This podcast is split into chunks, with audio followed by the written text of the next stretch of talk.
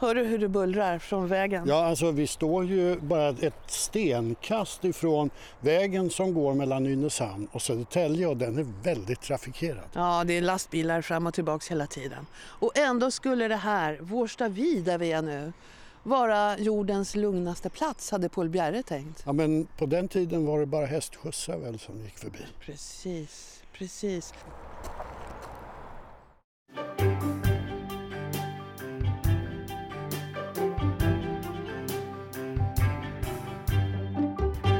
Välkommen till Ljungpodden Vi som gör den heter Katarina Baldo och Rolf Wrangnert. Vår podd är Sveriges kanske allra smalaste om livets stora frågor.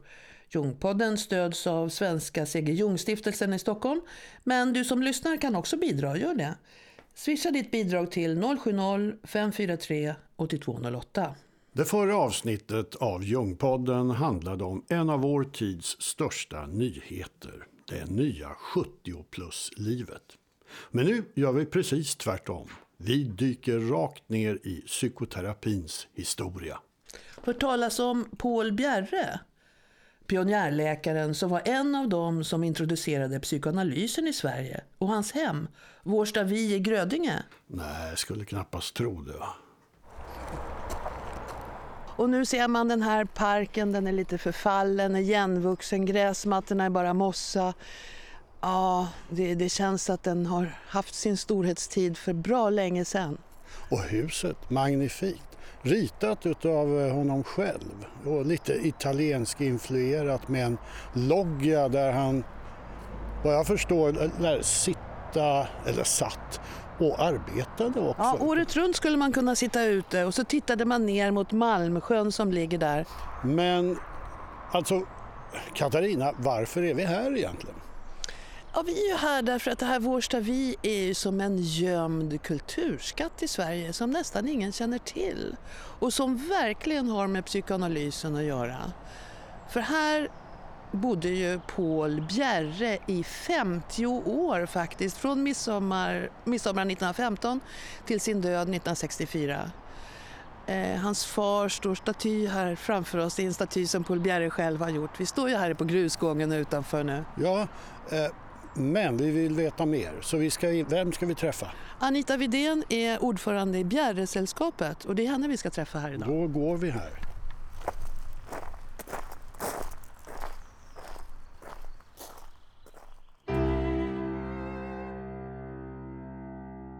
Vad är Vårstavi? Alltså, det är ju en väldigt stark atmosfär finns i det här huset. Av känslan av att det är precis nyss som någon klev ut härifrån som har bott här och skapat det här hemmet. Och ändå så dog Bjerre 1964. Ja, och det är ju de personerna som har fortsatt, som har hållit i det. Och det är ju stiftelsen Vårstavi som äger huset. Och man har värnat om det i alla år.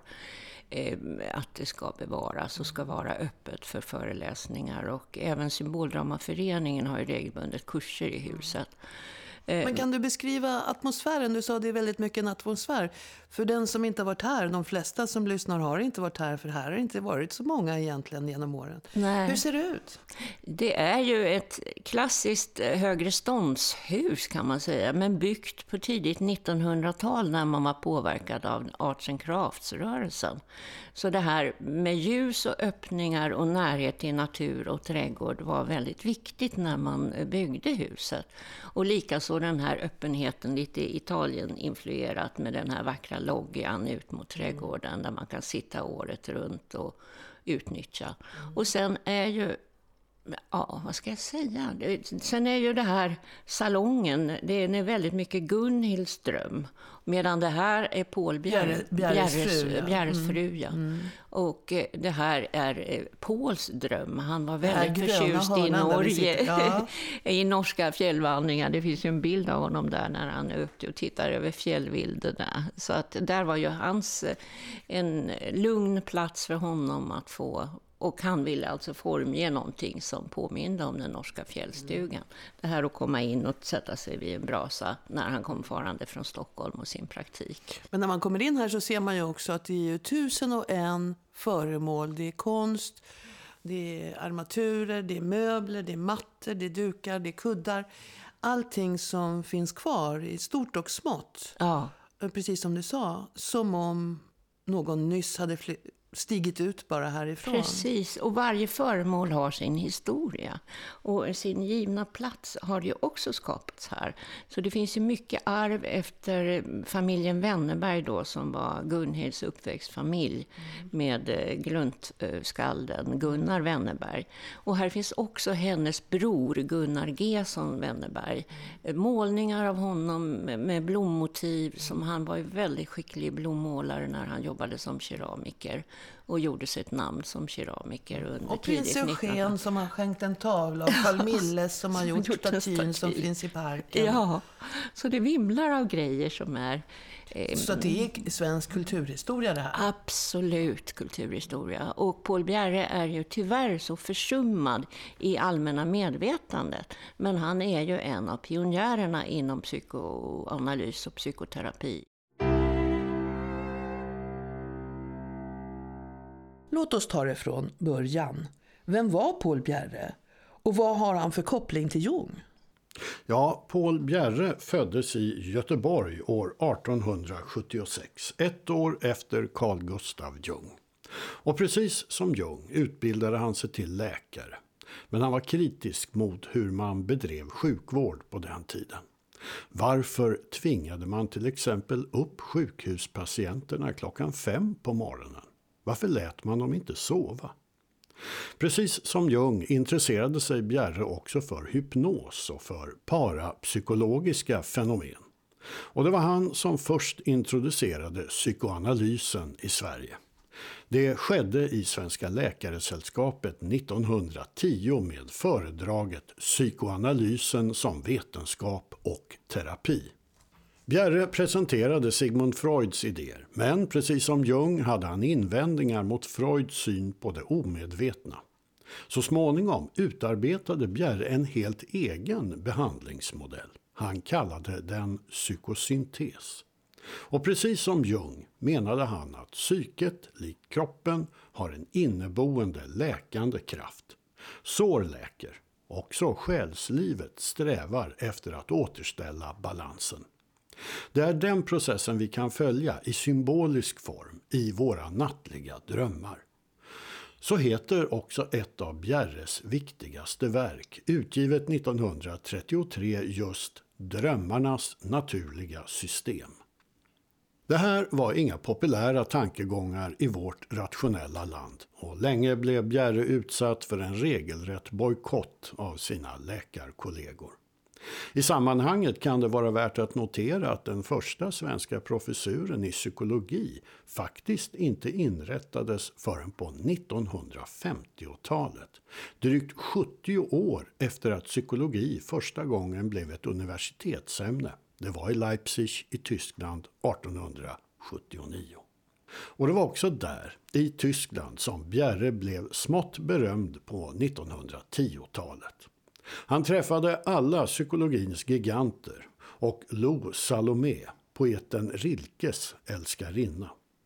Senare skulle Bjerre säga att det var tack vare vänskapen med henne som saker och ting blev klara för mig som jag inte skulle ha funnit av mig själv.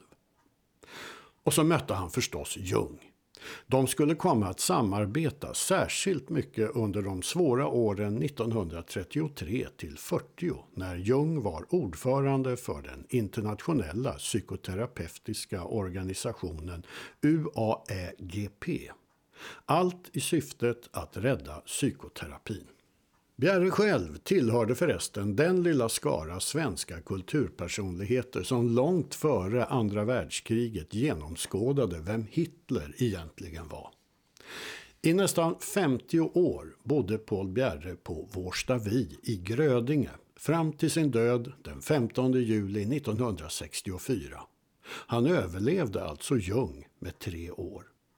Bjerre gjorde själv ritningarna till huset och i den stora trädgården finns en rad porträttbyster av hans egen hand. Så var han också kompis med Carl Milles. Han var en sökande person. Och just det här att hitta vägarna där han kunde må bra var ju viktigt för honom. För han hade ju också deppperioder, förstår man. Att han inte var så himla lycklig eller självsäker på ett plan. Men han var ju en av de första i Sverige, eller hur, som tyckte att det var viktigt att titta på det undermedvetna till exempel. Absolut. Psykets roll och så. Mm. Kan du säga något om det? Ja, han jobbade tydligen som eh, praktikant på ett mentalsjukhus och tog illa vid sig för han tyckte hanteringen av de här personerna var väldigt konstig med kallabad och vad man höll på med på den tidens mentalsjukhus. Och sen kom han i kontakt med Otto Wetterstrand som var berömd hypnosläkare och en som liksom hade kontakt med Charcot i Paris och eh, som hade märkt liksom att den här hypnosen som han utövade på sina patienter patienter var väldigt eh, lyckosam, att det gav bra resultat. Mm. Och eh, så kom han att vara hos Wetterstrand och fick alltså överta hans praktik och i, i, på, inne på Östermalm i Stockholm. Och Wetterstrand hade ju många patienter och, eh, runt om. Han var ju väldigt känd på sin tid. Och Bjerre tog över allt det här och eh, sen kom han att utöva en väldigt omfattande praktik. Han har, lär ha eh, haft ungefär 40 000 patienter genom åren. Och hans eh, tidigare mot mottagningssköterska Signhild Forsberg som var den som skickade ut räkningar. Hon berättar ju då att 10 eh, kronor per patient, det kunde okay. man ta. Okay. Så det höll sig genom 40 år, att det okay. var 10 kronor per besök. Kan man förklara den här psykosyntesen som han kallade sin egen modell? Kan du förklara den? Jag kan, inte, jag kan inte säga att jag är säker på att förklara, men han menar ju, precis som han arbetade med drömmar och såg att insåg tidigt eh, att drömmarna hade en, vad ska man säga, att det var stegvis så förändrades människans psyke och man kunde avläsa det i personens drömmar. Och han hade ju också en bild av att han, han, vad hans aggression emot eh, Freud, eller det var ju fokuset på eh, det undermedvetna och på sexualdriften som skulle vara avgörande i alla sammanhang. Han menade ju att människan hade en sökande inställning, prövande, att livet hade en utvecklingsgång. Och, och, han ser ju, i en av sina skulpturer har han ju också synliggjort det här tänkandet med eh, kretsloppet, det eviga kretsandet, där han menar att människan går från ett lågt stadium och sen når upp i en högre euforisk stämning och sen kliver man ner och kanske hamnar i en deppighet igen. Men att det är en process som pågår hela livet i läkandet. Det, där finns det ju många eh, likheter kan man säga, beröringspunkter med Carl Gustav Jung, eller hur? Och de hade ju korrespondens och mycket kontakt, men det kan inte hjälpas när man läser Bjerre så tycker jag att man lätt kan tänka att det här, deras tankegångar liknar varandra väldigt mycket. Absolut. Och det är någon som säger att egentligen kanske han påminner mer om Adler, som också var aktuell, men som hade mer det här världsmedvetandetänket. Och eh, Jung hade ju arketyperna och det fanns ju också det här hos Paul Bjerre intresset för mytologier och berättelser och olika religioner. Han var ju intresserad av japanska och kinesiska filosofer och, och tog intryck från många andra eh, religioner. Samtidigt som han inte ville vara en starkt bekännande kristen utan ja, såg andra vägar. Så varför är han bortglömd?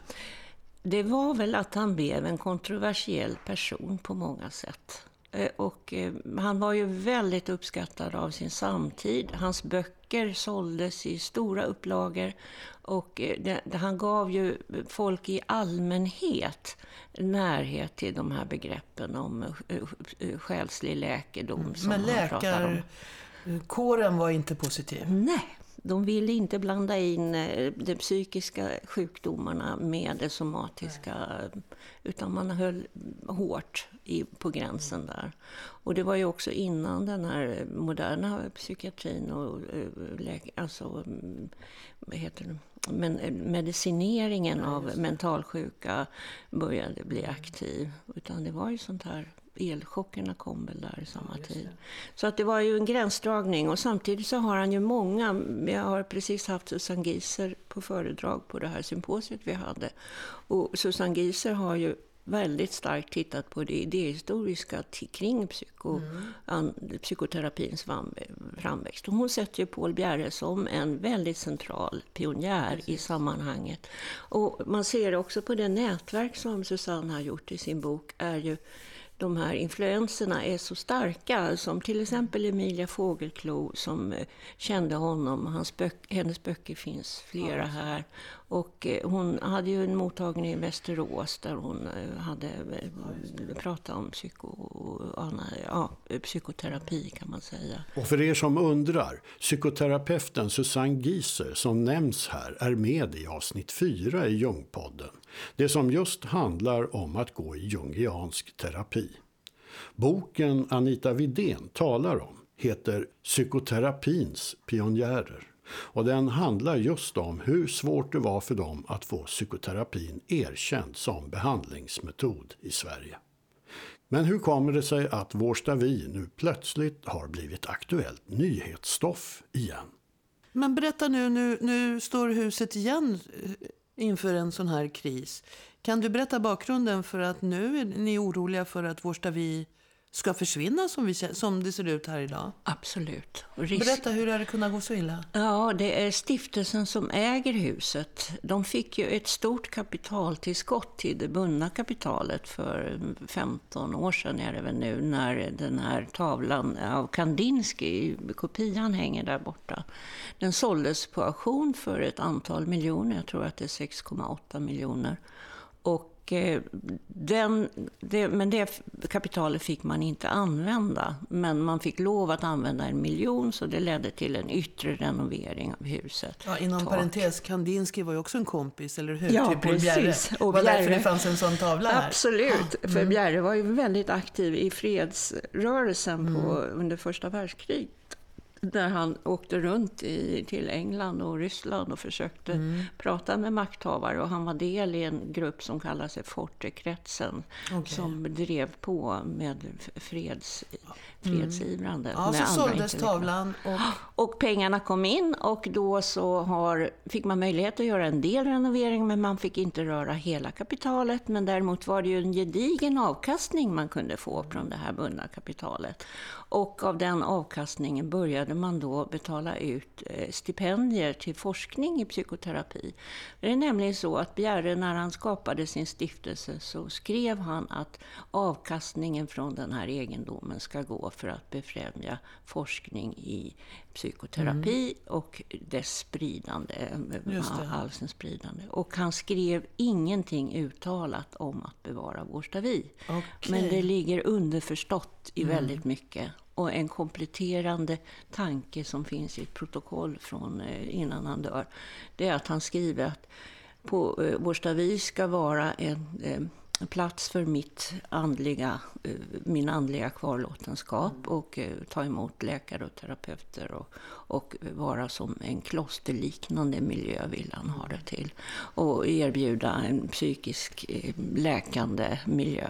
Men är pengarna slut nu då från tavlan? Nej, det, de är inte slut. Men däremot har man tärt på det här bundna kapitalet. Så stiftelsen säger, anser att man har två miljoner som man ligger back. Okay. Och fortsätter man på samma sätt så ska det urholkas hela kapitalet inom tio år räknar man med. Och eh, då är ju verkligen en fråga hur pengarna är placerade, vad de ger för utdelning. Och det har varit väldigt försiktiga placeringar. Det har inte varit något som har följt aktiemarknaden egentligen på senare år. Och Så sen, du är kritisk då mot hur stiftelsen har skött det här? Absolut. Ja. Och risken är nu att man vill sälja alltihop? Ja, precis. Och vad skulle hända då om huset såldes? Det är väldigt svårt att uttala sig om det. Och jag har ju, man får ju nästan paranoida idéer att de tänker sälja det med inventarierna till någon. För det här att splittra allt det här känns och möblerna. Det Men vem skulle tunga. vilja köpa det? Du menar så att det blev en privat, privat. kursgård kanske eller någonting ja, sånt? Ja, det skulle kunna vara något. Ja. Eller en privatbostad till någon förmögen person mm. som kanske tar på sig att förvalta delar av det här arvet. Men skulle det vara dåligt då? Jag tycker som det har varit så har det här fungerat bra och det har erbjudits en plats för öppna sammankomster och för mindre kurser. Det har varit så. Vi har haft visningar, det har förekommit i alla år.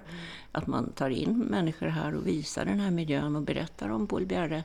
Och att skapa något som man kallar en minnesplats för Paul Bjerre ja, istället för det här är ju... Men var det inte så att Riksantikvarieämbetet vill eh, kulturminnesmärka huset? Eh, alltså Länsstyrelsen har sagt okej okay till att byggnadsminnesförklara det. Men eh, där säger då ägaren stiftelsen nej för att framtiden är så osäker. För att kunna ha möjlighet att sälja helt enkelt? Ja, precis.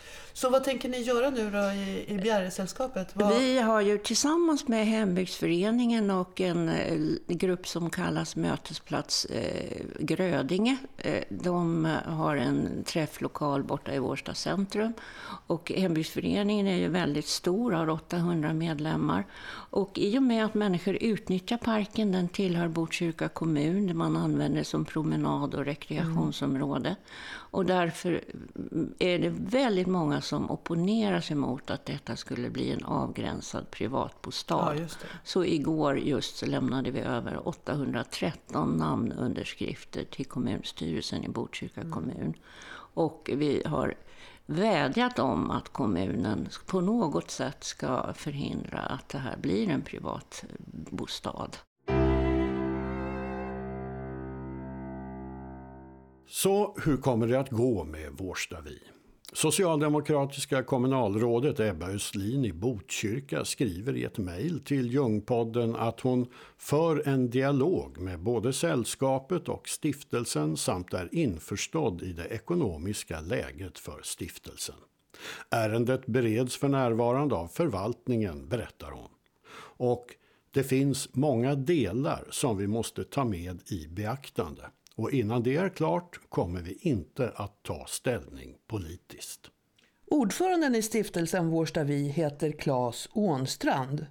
Han svarar varken på mejl eller telefon.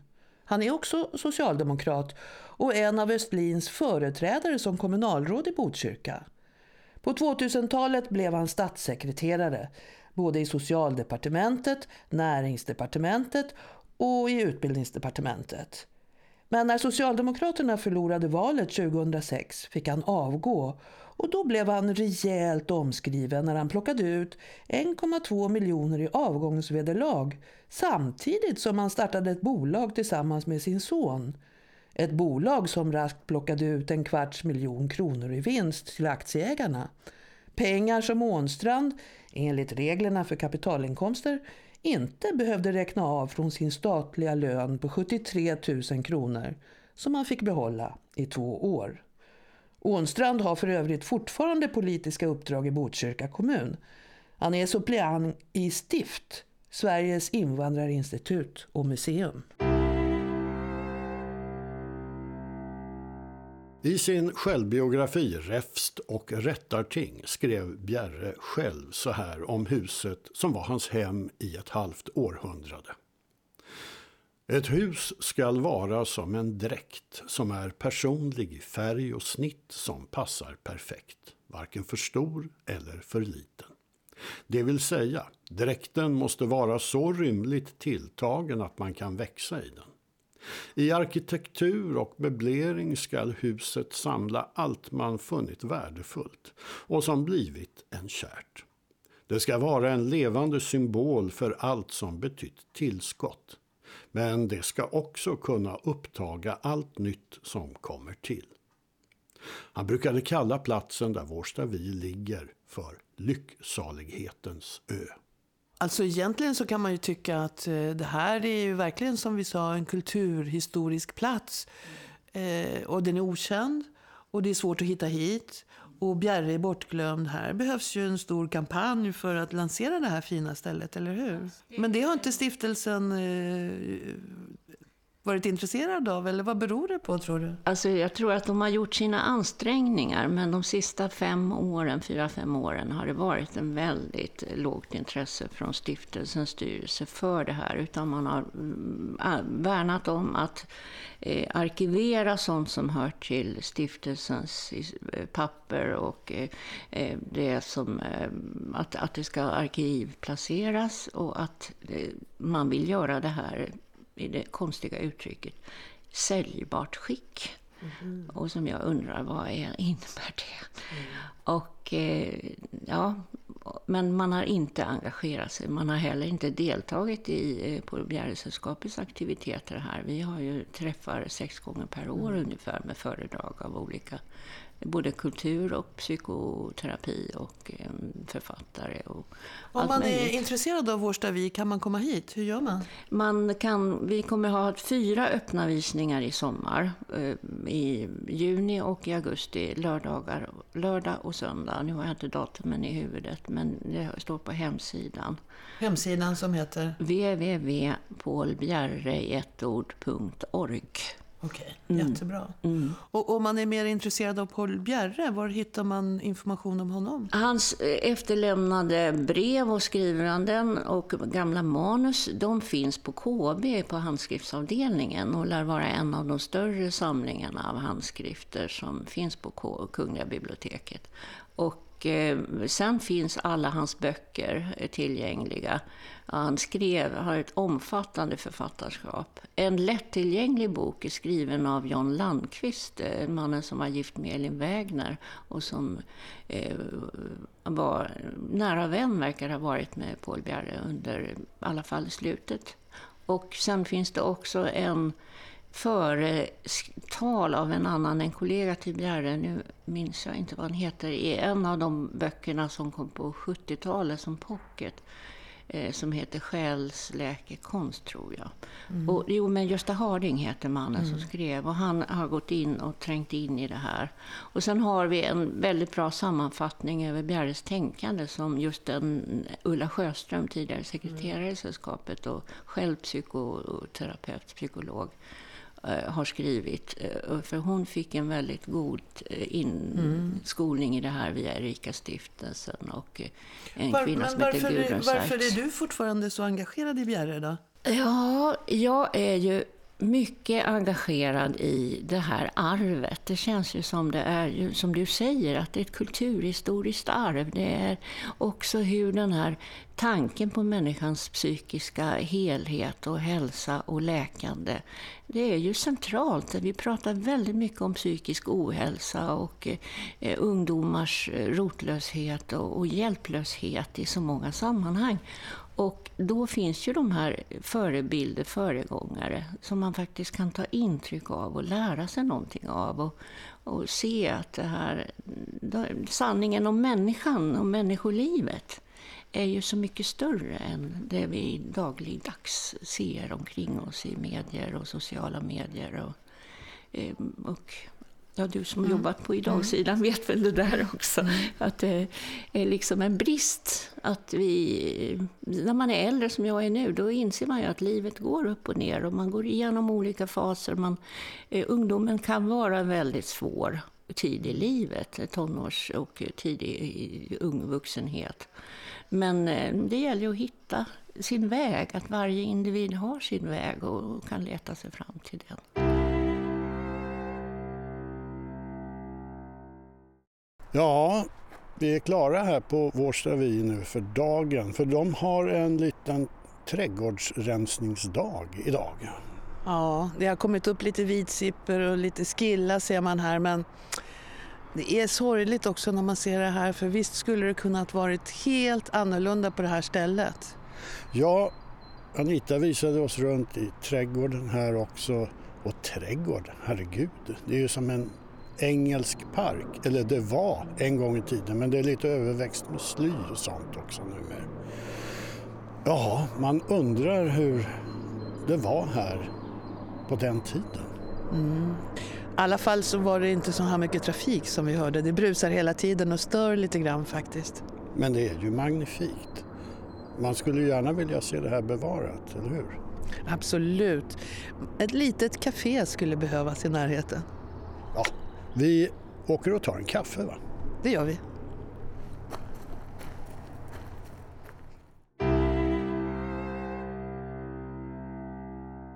Nästa avsnitt av Ljungpodden handlar om Ljung och kvinnorna. Ja, hur förhåller han sig till kvinnan och kvinnorna till Ljung? Gå in och prenumerera på Jungpodden på iTunes eller Youtube eller Soundcloud. Jungpodden finns också på Facebook. Vi hörs! Ja, vi hörs.